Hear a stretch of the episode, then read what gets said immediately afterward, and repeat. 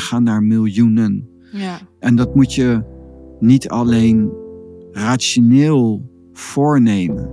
Dat moet je ook voelen. En ik zie Mm. bij jou bijvoorbeeld, het begon met een beetje ongeduld en zo. En een beetje twijfel. En het begint in jou te groeien allemaal. Dat zie ik ook in jou. En er komt natuurlijk ook meer bedrijvigheid rondom ons. En, maar je ziet het ook toenemen in jou. Ja. En vanuit het creëren, vanuit de taal, is ook eerst dat het toeneemt in jezelf. En daarna pas de vorm. Want als het niet toeneemt in jezelf en de vorm komt, dan walst de vorm ook succes over jou heen. En daarin zie ik gewoon dat je veel stabieler bent en sterker bent, zeg maar. Nog enorm groeit.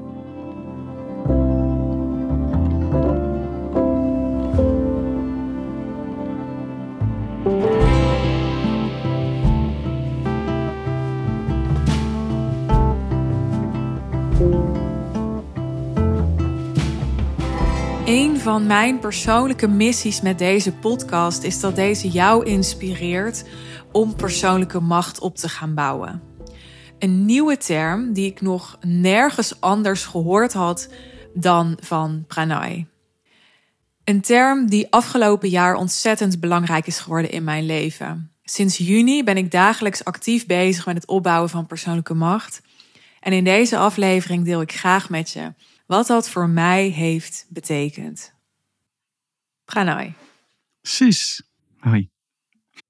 Ik eh, schreef laatst een post over persoonlijke macht of een e-mail.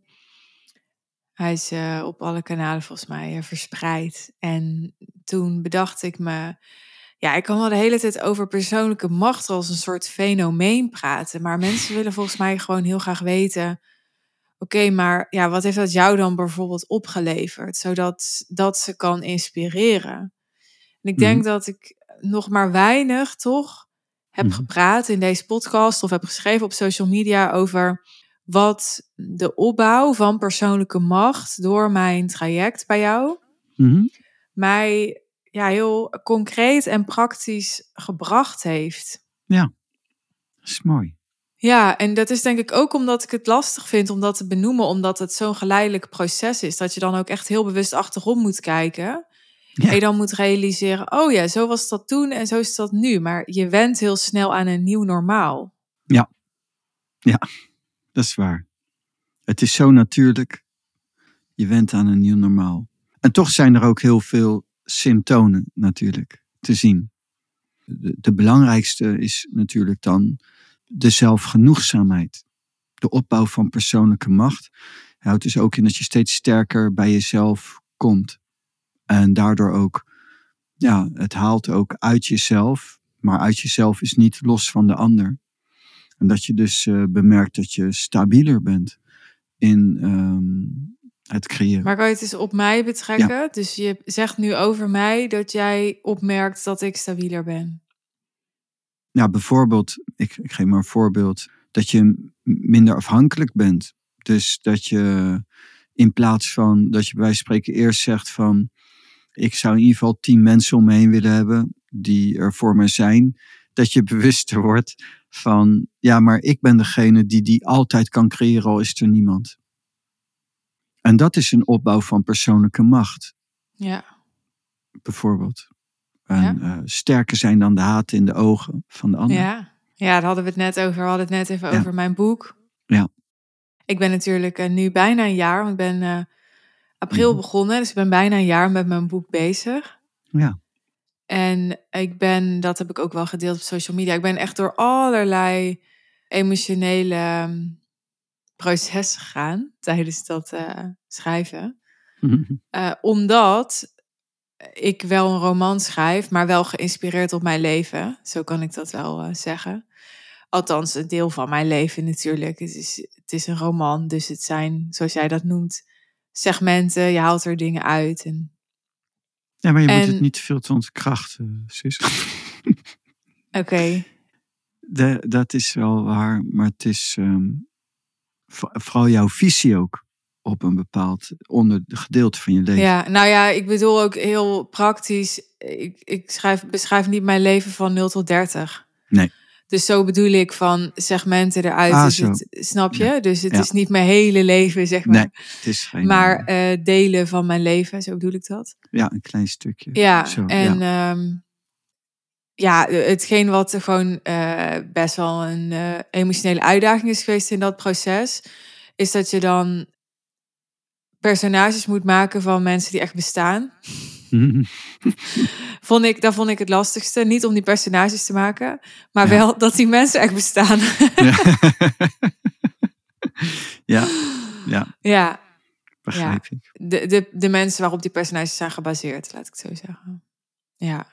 Ja. En dat is niet, ehm, ik wil het inderdaad niet veel ontkrachten, maar het is niet helemaal waar. Dus ik heb het natuurlijk zo geprobeerd te doen dat sommige mensen zijn ook gecombineerd. En dus Ja. die hebben gewoon, maar iedereen is, al die personages zijn wel gebaseerd op een, op één of meerdere bestaande personen.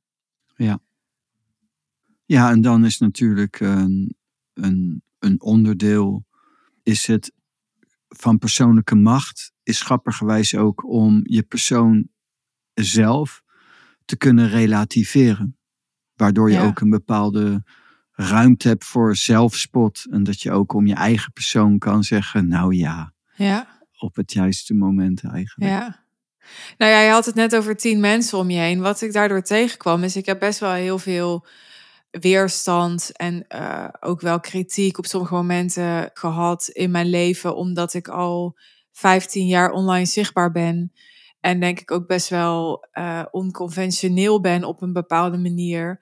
Dus ik ben er wel aan gewend dat mensen zoiets hadden van. eh, of ze vonden iets van mijn uiterlijk, of ze vonden dat ik te veel over geld praatte, of ze vonden het raar dat ik niet ging studeren, of roekeloos, weet je wel. Of nou, in ieder geval, ze Mhm. vonden van alles. Maar nu merkte ik van, ja, ik ben helemaal niet bang voor, nou, bang, ik ben sowieso niet echt bang, maar goed, ik zit helemaal niet zo met die laag. Maar nu gaat het opeens echt over de inner crowd of zo. Waar eerder dan de inner crowd eigenlijk het vaak voor mij opnam. Ja. En hè, eh, bijvoorbeeld mijn vader, om maar iemand te noemen. Ja, ik ging niet studeren. Mijn familie had zoiets van, ja, hoezo niet? Mhm. Blog, wa- wa- wat moet je nou met een blog, weet je wel? En dan zit je de hele dag foto's te maken van kleren. En wat de fuck, je kan toch goed leren, weet je wel? Wat doe je met je leven? En dan nam mijn vader het voor mij op. Ja. En nu voelde ik opeens van, ja, maar wacht eens even. Wat als juist die inner crowd die het altijd voor me heeft opgenomen, nu niet blij met me is? Hè? Dus ik voelde, er kwam echt een soort verlatingsangst op, zeg maar. Ja, Dus niet, ik voelde niet zozeer angst voor kritiek, maar ik voelde heel erg een soort verlatingsangst van. Ja, en tegelijkertijd ook, en dat vond ik heel mooi. eh, Want er zijn op een gegeven moment ook mensen geweest die dingen tegen me zeiden als. Maar ja, als, als mensen die zo dichtbij staan daar moeite mee hebben, dan eh, moet je dat toch helemaal niet willen doen. En toen dacht ik echt heel, voelde ik heel duidelijk in mezelf, Mhm. Jawel. Want eh, ja, je kan, je kan zo dichtbij me staan als, als, als een Siamese tweeling, bij van spreken. Maar ik ben ik. Ja. En, en ik ga me ook niet door mensen die heel dichtbij me staan, zeg maar, ja, laten manipuleren of zo. Ja. En dat is natuurlijk een, wel een, een dunne lijn. Want ik wil ook niet uitstralen dat ik aan, aan alles en iedereen maling heb. Mhm. Maar dat heeft me. Nou, laat ik het zo zeggen. Deze aflevering gaat natuurlijk over wat persoonlijke macht mij heeft gebracht. Ja. Dat ik eh, meer. Ja, jij, jij noemt het volgens mij meer in het reinen met mezelf. Maar dan vind ik zo- zo'n container. Wat betekent dat dan? Ja, zelfgenoegzaamheid, hè? Ja, Een, een het, het zelfrealisatie. woord zegt het eigenlijk al. Hè? Dat je Ja. dus genoeg hebt aan jezelf. Ja, Ja, en dat je ook eh, werkt vanuit jezelf. En ook, ook persoonlijke macht is ook inderdaad van, ja, maar ik ben deze.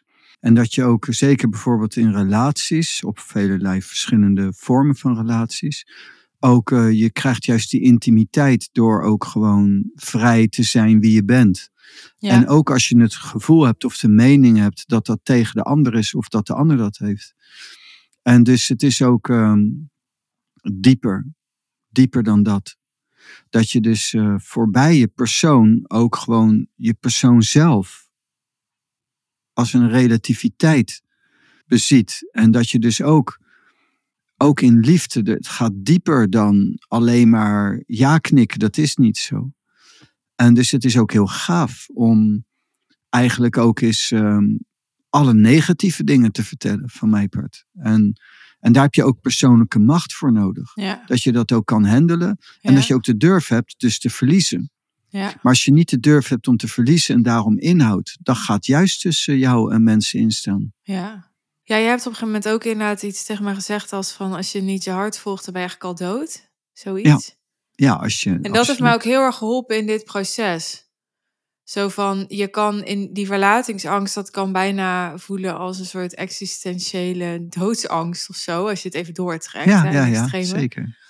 En, maar dan denk je, ja, maar wat is het alternatief? Ja, dat, dat, ik, dat ik al dood ben, weet je wel. Dus, dus Ja, daar ja. heb ik het heel erg mee kunnen relativeren. Zo van, ja, maar als ik niet doe wat mijn hart me, me ingeeft.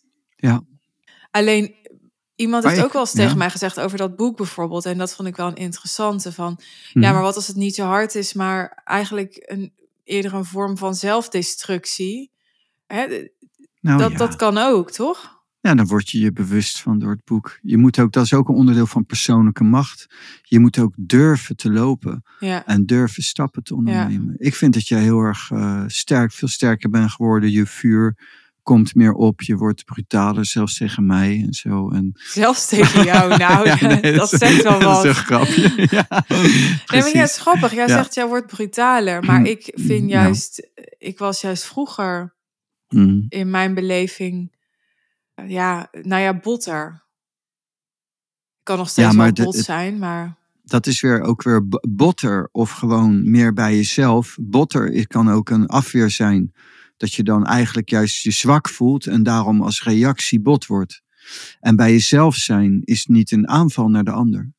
Ik zeg het zelf vaak zo van, het is niet een revolutie tegen iemand, maar een rebellie voor jezelf. ja.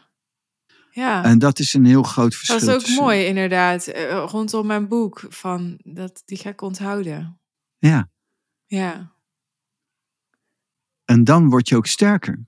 Van ja, maar eh, iedereen kan zich in deze tijd helemaal, eh, wat je ook zegt, iedereen voelt zich ziek, zwak en misselijk en slachtoffer. En, en iedereen is gepikeerd op voorhand al en zo. En dan kan je door laten beïnvloeden. En dat beïnvloedt sowieso. Maar je kunt ook sterk bij jezelf blijven. Dan zeg je van ja, maar ja, Nou, wat ik interessant vind, is dat ik denk dat bijvoorbeeld eh, vriendinnen of zo, die vonden mij altijd heel zelfstandig, heel autonoom. Toen ik veel jonger was al. ja, Ik sta denk ik inderdaad best wel bekend als dat ik, ja, gemakkelijk, of hoe je het wil noemen, me, me Mhm. niet iets aan kan trekken van de mening van anderen. mhm,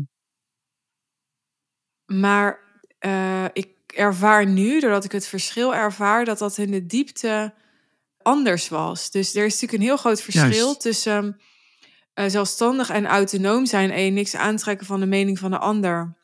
precies. Omdat je ja, een, een, een deel van die zelfstandigheid was eerder ook een soort eh, machteloosheid. Ja. Snap je wat ik bedoel? Ja, dus je bent eigenlijk de, eh, ook dus de- inderdaad, je komt sterker bij jezelf, maar je wordt ook milder. Daardoor juist. Ja, een, een, een vriendin die stuurde mij laatst. Ik had dat gedeeld met jou, hè? Weet je nog eh, waar ik op doelde? Dat was echt spontaan, zonder dat ik erom had eh, gevraagd. Maar ze zei, je lijkt veel opener, zachter, nog kwetsbaarder. nog kwetsbaarder, oké. Eh, en vrolijker. Ja, En hiermee bedoel ik niet dat je dat daarvoor niet was, maar je straalt meer. ja mooi. Dat is, eh, dat is inderdaad flowering, een, een, een opbouw van persoonlijke macht.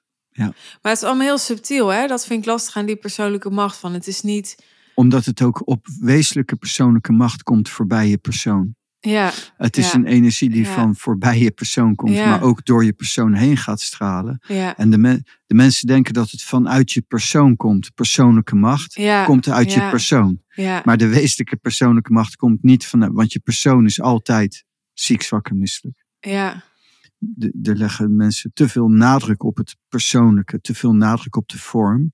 En daardoor krijg je. Wat bedoel je als je zegt de persoon is altijd ziek, zwak en misselijk? nou, dat want gewoon in dat, de. is- dat ja. klinkt zo negatief. En dat is het ergens. Nou, het is niet zo negatief. Ook weer hetzelfde als je het in zijn, daarna in zijn totaliteit beschouwt. Maar bijvoorbeeld ze zeggen het vleeselijk denken is vijandschap ten opzichte van God. En in de taal hebben ze het over ja, het vleeselijk denken. Elk element heeft een demonische ziel, noemen ze dat. Dat klinkt allemaal heel zwaar. En de persoon eigenlijk ook.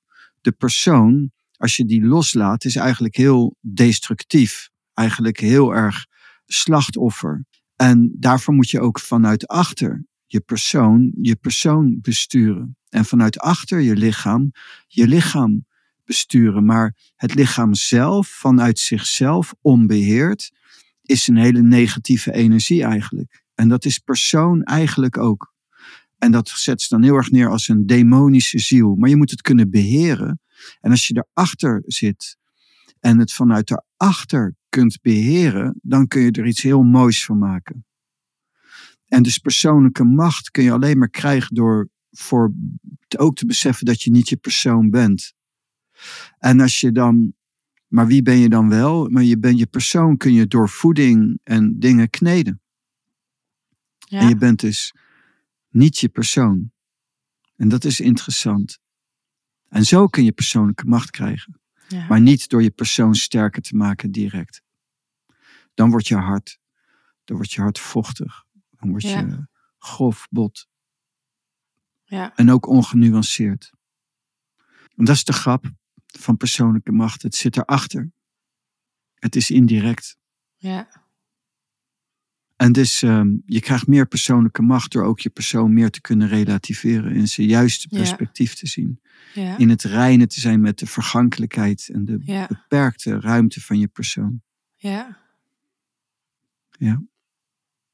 Ja, ik merk het inderdaad ook, nu jij dat woord gebruikt, in het relativeren.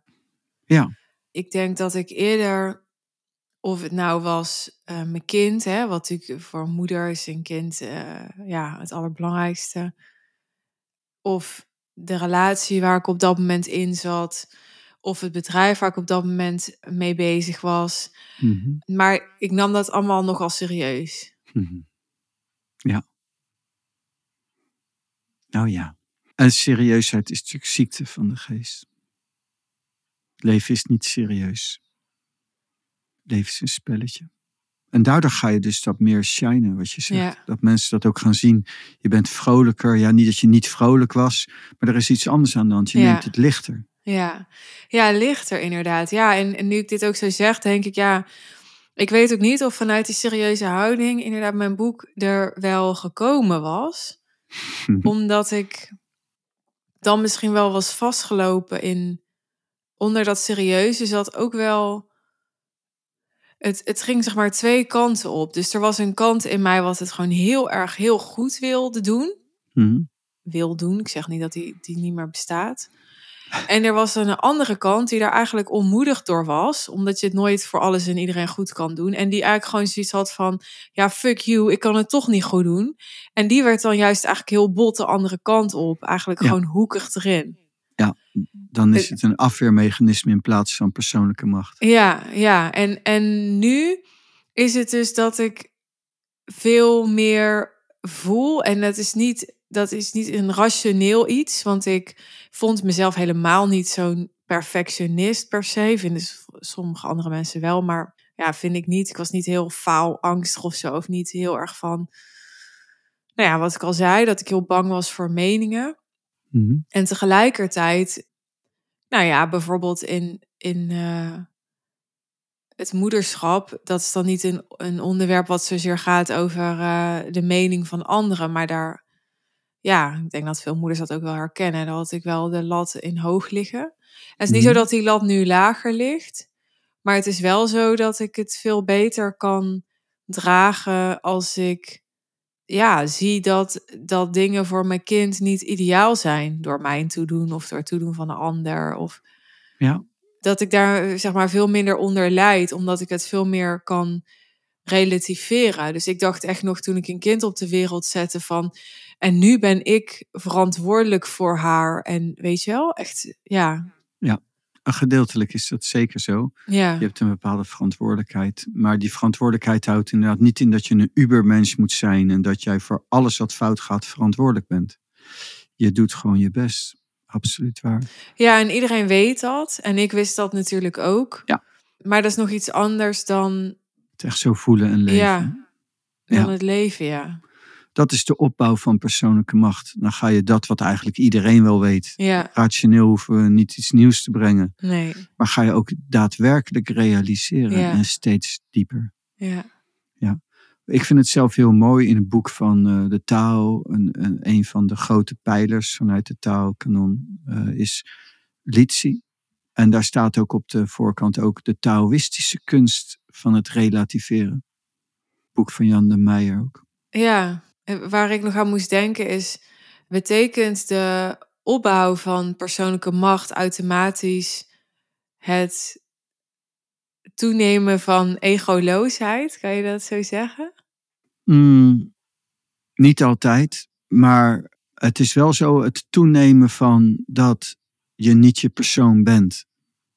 Maar wat ik wel heb gezien is dat onder de yogis soms ook wel erg, eh, het verbaasde ik me vroeger over, dat er heerst bijvoorbeeld in het Himalaya-gebergte heerste er een, een oorlog tussen hele grote yogis.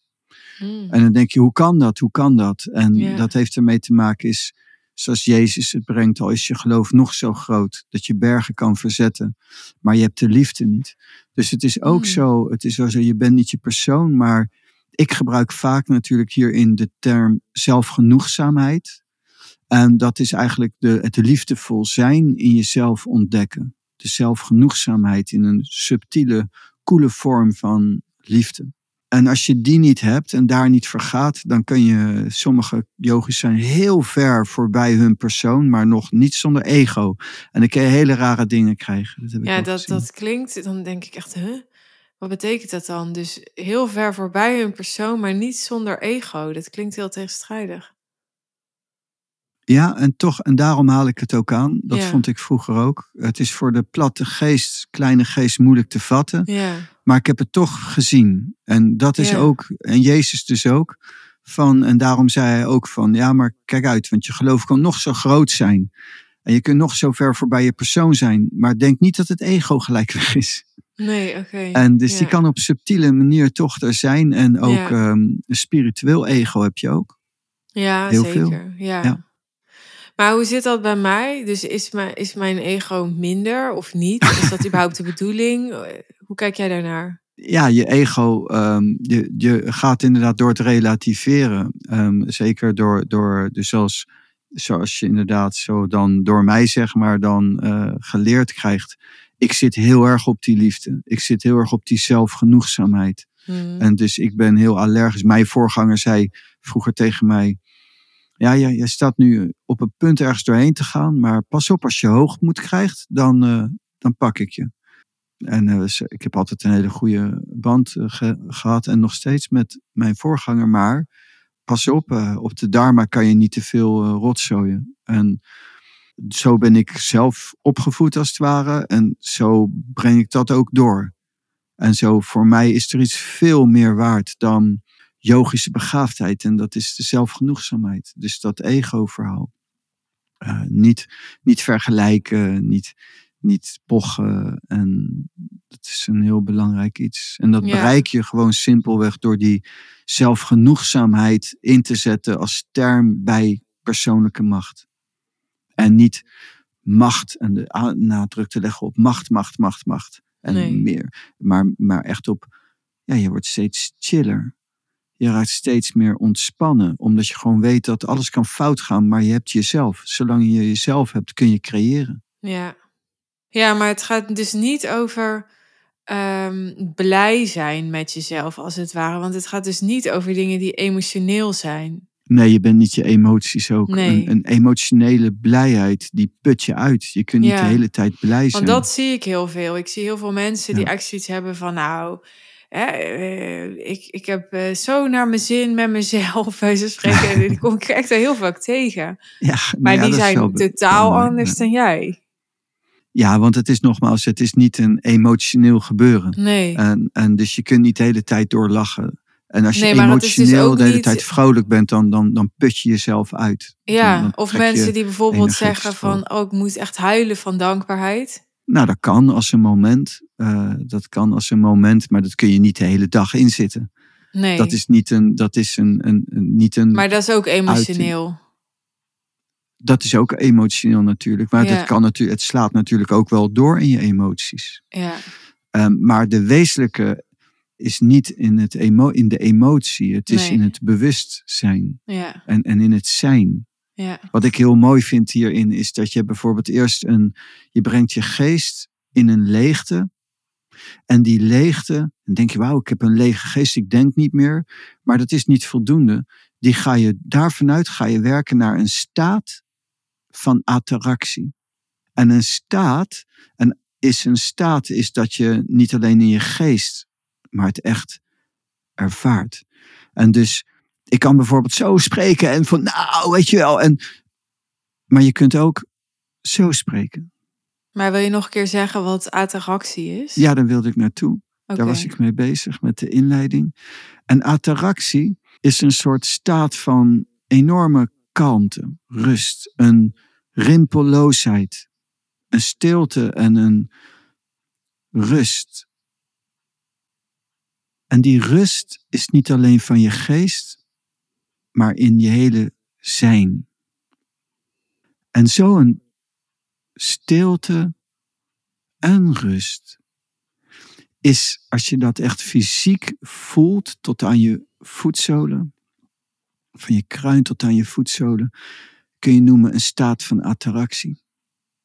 Ik wil even terug naar, ehm, want we gaan nu heel algemeen hè, over persoonlijke macht en over Nou, voor mij is dit en- juist heel concreet. maar ik begrijp wat jij bedoelt. Maar wij eh, zijn natuurlijk bezig om, om eh, echt touw in business te brengen met deze podcast. Ja. Maar we hebben het nog eigenlijk helemaal niet over business gehad in deze aflevering. Dus om even terug te gaan naar touw in business, maar ook naar hoe we deze aflevering noemen, namelijk Nou, wat heeft het voor Suus betekend om meer persoonlijke macht op te bouwen? Precies. ja, Wat heeft het voor mij betekend? en dan wil je dat ik ga vragen, zeggen wat het voor jou betekend heeft. Nou, voor, voor mij kan er wel iets over zeggen. Maar ik weet niet hoe ik het moet brengen, maar toen ik jou tegenkwam, zeg maar, toen, toen was je wel succesvol, maar tegelijkertijd, ja, niet te dramatisch gesproken, vond ik je persoon in een dip. En ik zie je gewoon nu echt opleven vanuit het middelpunt, vanuit de diepte. In een flauwering komen, in het vuur wat toeneemt, maar dan niet vanuit de oppervlakte, maar niet zonder de oppervlakte, want de oppervlakte is niet slecht. Maar echt vanuit de diepte. En dat is voor mij de wezenlijke flauwering. Dat het komt vanuit je kern. En kun je dat kun je uitleggen waarom dat in zit? Kun je, kun je daar woorden aan geven? Ik snap dat dat moeilijk is, maar waar uitzicht dat in voor jou? Dat je sterker bent en stabieler bent. En dat je minder manipuleerbaar bent. En meer je eigen plan trekt, eh, positief, dus rebelser bent. En zeg maar ook voor de toekomstvisie positief wijzigt. Minder beperkingen, minder vakjes waardoor je geest verder kan zwerven. Bijvoorbeeld onze vorige podcast. Maar waar blijven we eigenlijk steken bij een miljoen? En hoezo komen we niet naar miljoenen?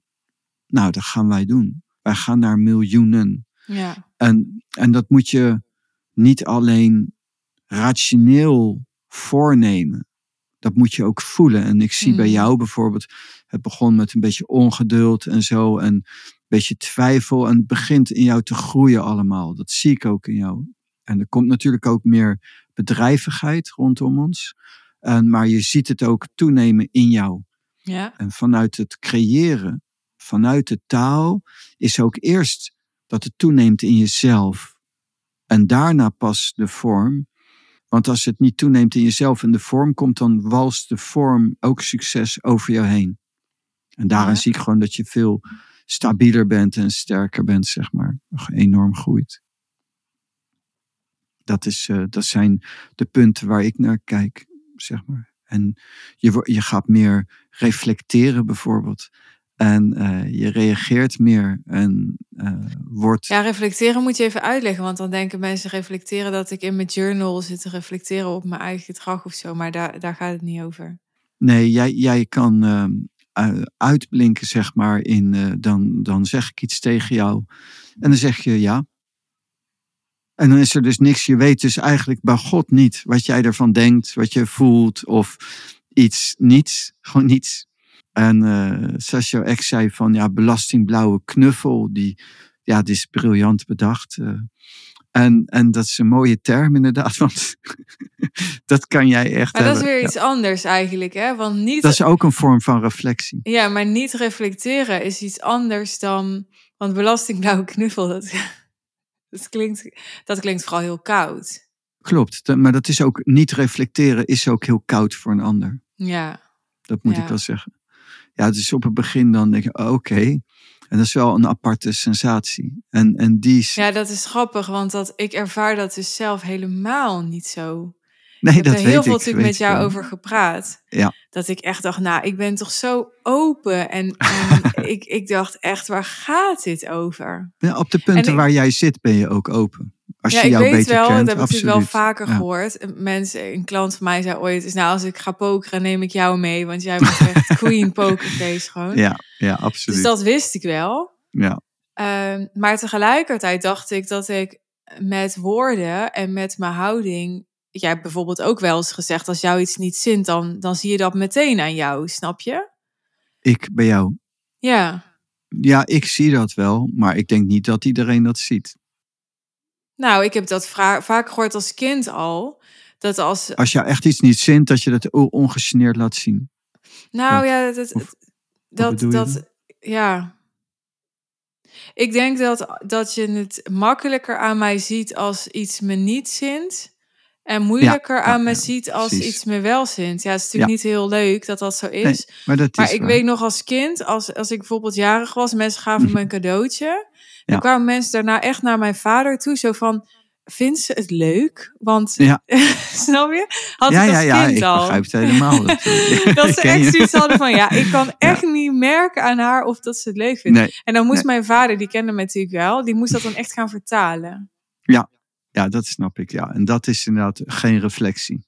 Inderdaad. En dat is, maar dan ga dat jij er dus niet in, want ik, heb, ik zit nu ook wel eens wat over hebben. Dan denk ik, maar hoe komt dat dan? Maar daar, daar vind je eigenlijk niet interessant hoe dat komt. Jij neemt dat gewoon als een feit aan.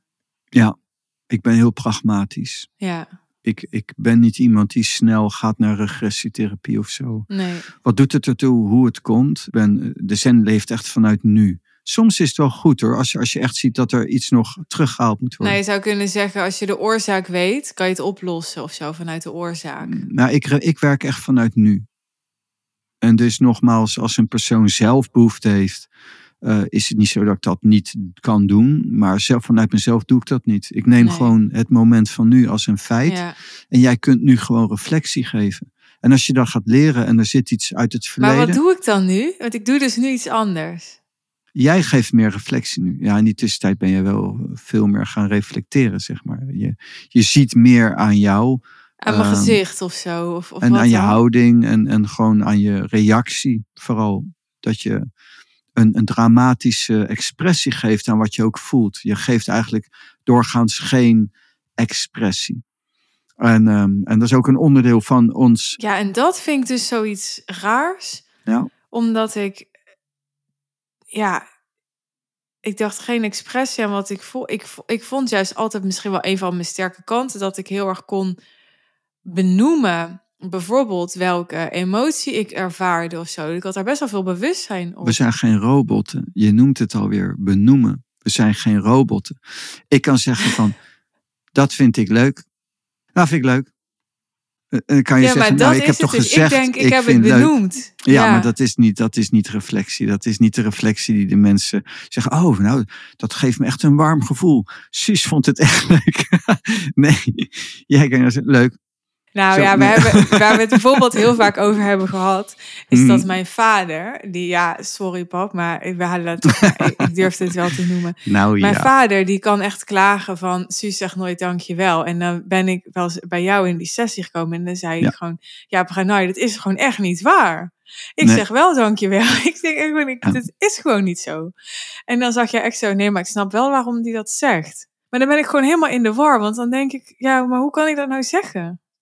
Ja, hoe kan jij dat, hoe kan hij dat dan zeggen? Omdat het namelijk ook is, je toont affectie door je emoties. Ja, ja, ja. En als Dus die ik niet toon aan, weinig affectie. ja, dus Ja. als jij dat niet laat meenemen en jij zegt dan, nou leuk, Ja, en het ja, ik heb-. Ja, ik heb het benoemd, maar de ander heeft helemaal niet de, de, de, dat, dat gevoel. ja, ja. Dat, die, die heeft geen idee.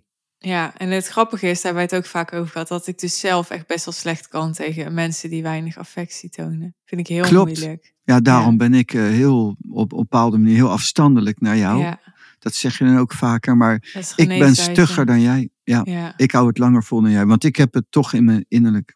Ik, ben, ik heb mijn innerlijke volheid, dus ik, ik heb er geen last ja van. maar even, jij doet dat dus expres, want dat is geneeswijze. Ja, dat klopt. Ja, ja, of je ik, vindt het gewoon een leuk spelletje om mij te sarren daarmee. Dat sowieso al. Ik had sowieso gedaan. Maar nee. maar, Ja, nee, maar dat is inderdaad zo. Kijk, jij vraagt aan mij, wil jij mij de taal leren? Ja, dat zou ik krijgen ook. Als, Ja. als je dat niet had gevraagd en had jij gewoon een kennis geweest, een vriendin geweest, had ik jou heel anders behandeld. ja grappig. Ja. Dus, dus ik, ja, jij, ik ben wat dat betreft bijna autistisch. Jij hebt mij dat gevraagd. Ja. En dus ik ga pas eh, overstag als jij overstag gaat. Ja. Tot het Oh, patroon ja. gebroken is. Ja. En ik heb toch niks te verliezen of te winnen. Want ik heb het in mezelf. Ik ben, daarom kan ik het langer volhouden dan jij. Ja. Ja. Ja, dat is gaaf. Hè? En inderdaad, dat is het zo bizar iets. Het patroon wat je zelf hebt en niet bewust bent, dat valt je wel heel erg op bij anderen. Ja, ja, dat heb ik dus echt van jou ook geleerd. Dat ik Ja. echt dacht van, nou, wat stom dit. Maar ik herken dus dat de mensen die ik om me heen verzamel en die ook blijven, met wie het, ja, eh, met wie het zeg maar wat duurzamer is, of, of Mhm. met wie ik überhaupt een band opbouw of zo, het zijn vaak allemaal enthousiaste, spontane mensen, warme mensen. Al- zeg- ik wil bijna Le- zeggen, alles wat ik niet ben. De mensen om zich heen.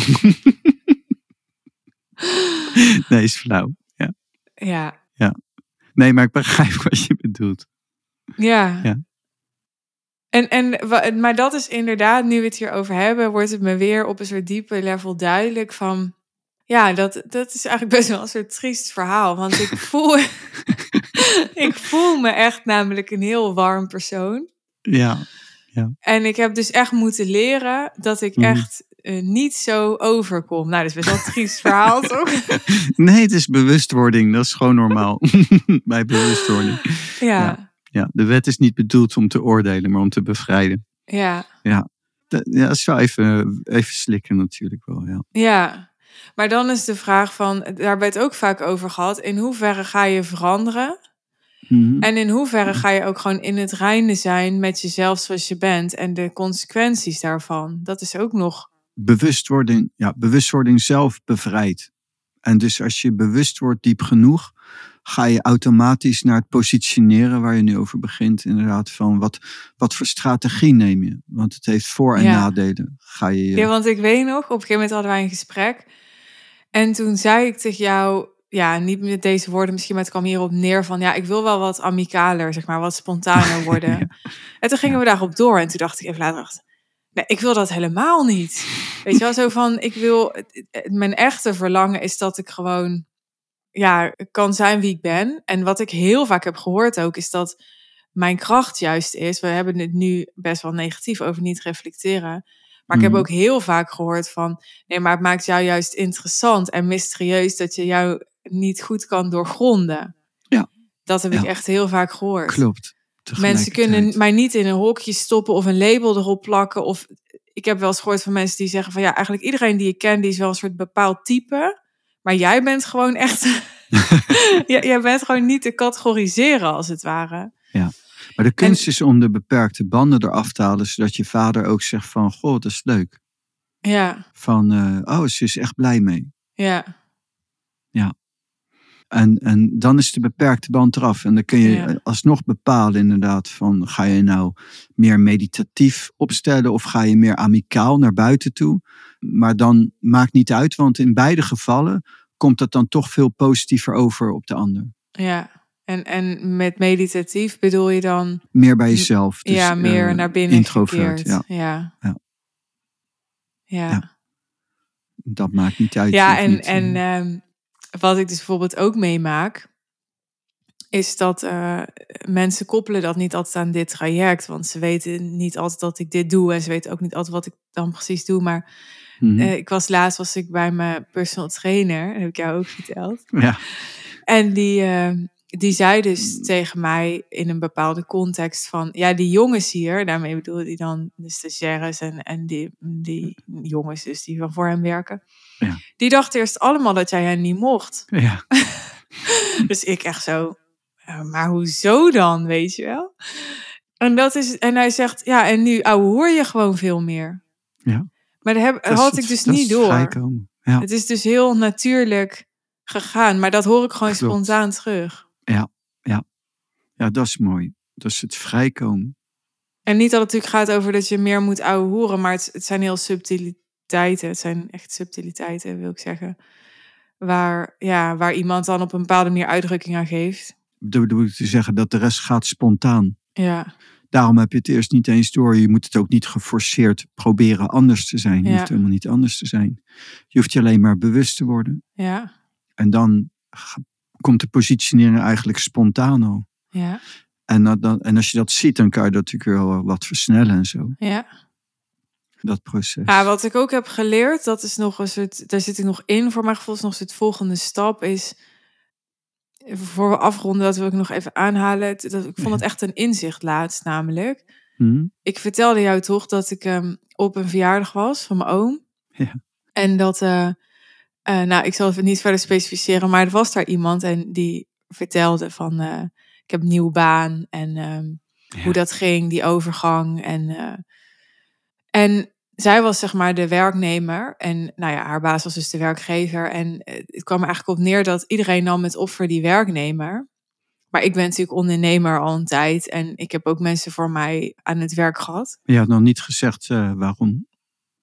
Waarom ze dan eh, opneemt voor de werknemer. Had nog niet gezegd wat ze had gezegd.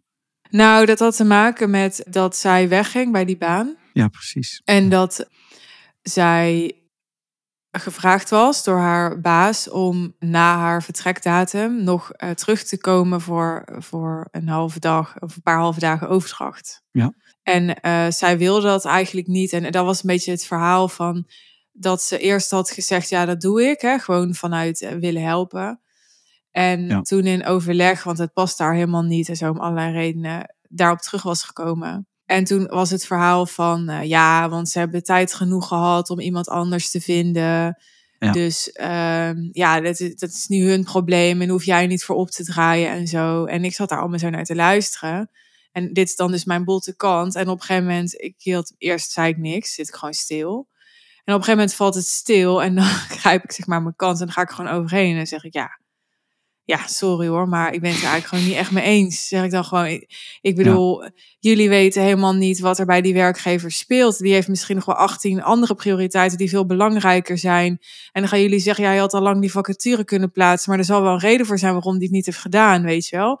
En, en ik, ik breng dat echt al met de beste bedoelingen omdat wat er in mij zit, altijd in mij heeft gezeten, is een soort waarheidsstrijder of zo. Dus ik, ik hoor dat dan aan en dan denk ik, ja, ik vind dit gewoon te eenzijdig. Ja. En dan heb ik gewoon vanuit de behoefte om dat uit te balanceren, om een soort van, terwijl wat dient het voor doel? Die Ja. werkgever die is daar helemaal niet, die hoort dat helemaal niet. Het, het, Mhm. Wat ik zeg verandert helemaal. Dus dan denk ik later, waarom zeg ik dit überhaupt? Ja. Maar op het moment dat ik dan iets, zeg maar, constructiefs moet zeggen voor degene die dus eigenlijk juist blij is dat ze iets overwonnen heeft, want ze heeft zich Ja. namelijk teruggetrokken, is voor zichzelf opgekomen, Mhm. dan voelt dat voor mij alsof ik een toneelstukje moet spelen of zo. Precies. Ja. En toen zei jij erover, weet je nog wat je zei toen tegen mij? Op dat moment niet, nee. Wat zei ik toen? Ja, ik was, ik, ik ben mijn hele leven zo gewend om te zeggen wat ik vind, te zeggen wat klopt, te zeggen wat echt is. En jij praat eigenlijk altijd naar de mensen vanuit de geneeswijze. Dus vanuit dat je iets zegt wat die ander laat opbloeien, laat, laat opbouwen. Ja, ik leef niet voor mezelf. Nee, en ik heb ik dus. leef voor de taal. Ja, maar dat was echt gewoon onwetendheid van mij. Ik dacht gewoon van, dat is hoe mensen werken. Die geven gewoon expressie aan wat ze vinden. En dan hebben ze het gewoon met elkaar over die meningen, zitten ze een beetje zo te sparren en zo. Maar heel vaak als ik dat deed, Mhm. werd me dat dus niet in dank afgenomen. Want ik zit daar en ik, ik voel wel, vroeger had ik dat niet eens door, maar inmiddels wel. Ja, die hele sfeer is gelijk naar, eh, naar de Precies. Een beoefening van de taal, die zet de taal voorop. eh, Ja. Door zichzelf niet voorop te zetten. En Ja. als je jezelf niet voorop zet, zet je daarmee jezelf voorop. Ja, En want de mensen, je moet rekenen dat we hebben het over zelfgenoegzaamheid. Maar heel veel mensen hebben die zelfgenoegzaamheid niet. nee. En als je ze gaat afrekenen op dat ze dat eigenlijk wel zouden moeten hebben. Ja, en dat deed ik altijd. Ja. Ja. dat deed ik altijd. Ja. En, en, en ik denk niet voor mij, ik denk voor de taal. En zet mezelf niet voorop, maar zet mezelf dan achterop. En ben er dan voor de taal. ja, maar dit ligt wel weer genuanceerd, hè? Want bijvoorbeeld In dit in een over, liefdesrelatie of zo, Precies. dan ja, je gaat ook niet de hele tijd jezelf eh, achterop stellen, toch? Nee, dit is dus inderdaad een reactie op. Je zit op een verjaardag, er wordt Ja. iets naar voren gebracht. Ja. En waarom zou je dat doen? En de Ja. sfeer stopt. En Ja, wat voor je het weet haal je het uit de context.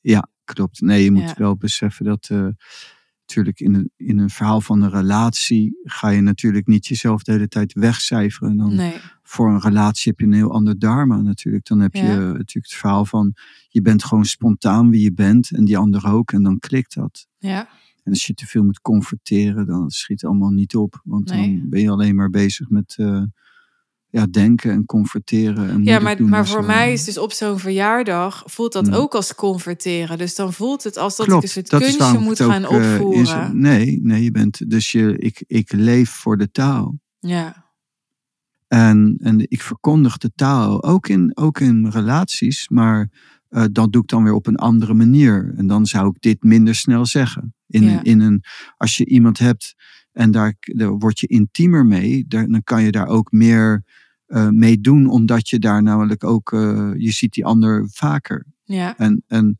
en dan kun je er een, een, een heel ander iets in met iemand anders Ja. en met mensen. ja. En het heeft veel verschillende vormen natuurlijk. Ja. Maar dit is toch ook onderdeel van de kunst van intimiteit, of niet? Ja, dit is een, absoluut. Kunst Ja, en van- dat is echt iets ook wat. Hoort dat ook bij persoonlijke macht? Dat hoort absoluut bij persoonlijke macht. Als Ja. je geen persoonlijke macht hebt, ga je dat helemaal niet redden. Want je neemt alles persoonlijk op jezelf. En Ja. dan ben je verhit. En dan zeg je, ja, maar Ja. dit is mijn mening. Maar jou, Ja, waarom moet je jouw mening zo nodig voorop? Ja. Waarvoor ben je niet bezig met een hoger iets? ja, ja. Een, een, de taal inbrengen. Nou ja, die kunst van intimiteit, dat is ook echt iets wat ik van jou heb geleerd, ja. Ja. Ja. Dat zouden ze ook echt op school moeten geven, vind ik. Dat is absoluut waar. Ja, dat zou iedereen eh, eigen moeten maken. Ja, Kunst van eh, intimiteit. ja, Dat is natuurlijk mooi. Hoe bouw je eigenlijk warmte en intimiteit op met iemand? Ja. mooi. Nice. Dankjewel. Jij ook. We zijn aan het einde gekomen van aflevering 456 over wat het voor mij betekend heeft om meer persoonlijke macht op te bouwen. Je reactie is welkom. Je kunt ons mailen of stuur mij een bericht op social media als je geluisterd hebt en met mij wil delen wat jou is bijgebleven na het luisteren van deze aflevering. Ik ben benieuwd. Heeft deze podcast jou geïnspireerd om te zeggen: ja, dat, dat wil ik ook? Dan ben je welkom om bij ons in de groep, de Suzanne Pranay groep, te bouwen aan jouw persoonlijke macht. Als je meer wilt weten over onze groep, dan verwijs ik je graag naar de podcastafleveringen die we hebben opgenomen met deelnemers met wie wij al werken. Dat zijn podcastaflevering 444, daarin spreken we met Adine. Aflevering 448, daarin gaan we in gesprek met Emma. En aflevering 451, daarin gaan we in gesprek met Annemiek. Die afleveringen geven je meer inzicht in wat onze groep voor jou kan betekenen. En geven nog meer diepte aan wat de opbouw van persoonlijke macht in korte tijd over jou kan doen. Als je na het luisteren van een van die afleveringen nog vragen hebt, laat het mij weten. Onze contactgegevens vind je in de show notes. En ook als je je aan wilt melden, dan kan dat door te mailen of stuur mij een DM. Dan ontvang je van ons een aanmeldlink. Heel graag tot de volgende aflevering. Ik wens je een mooie dag. Bye bye.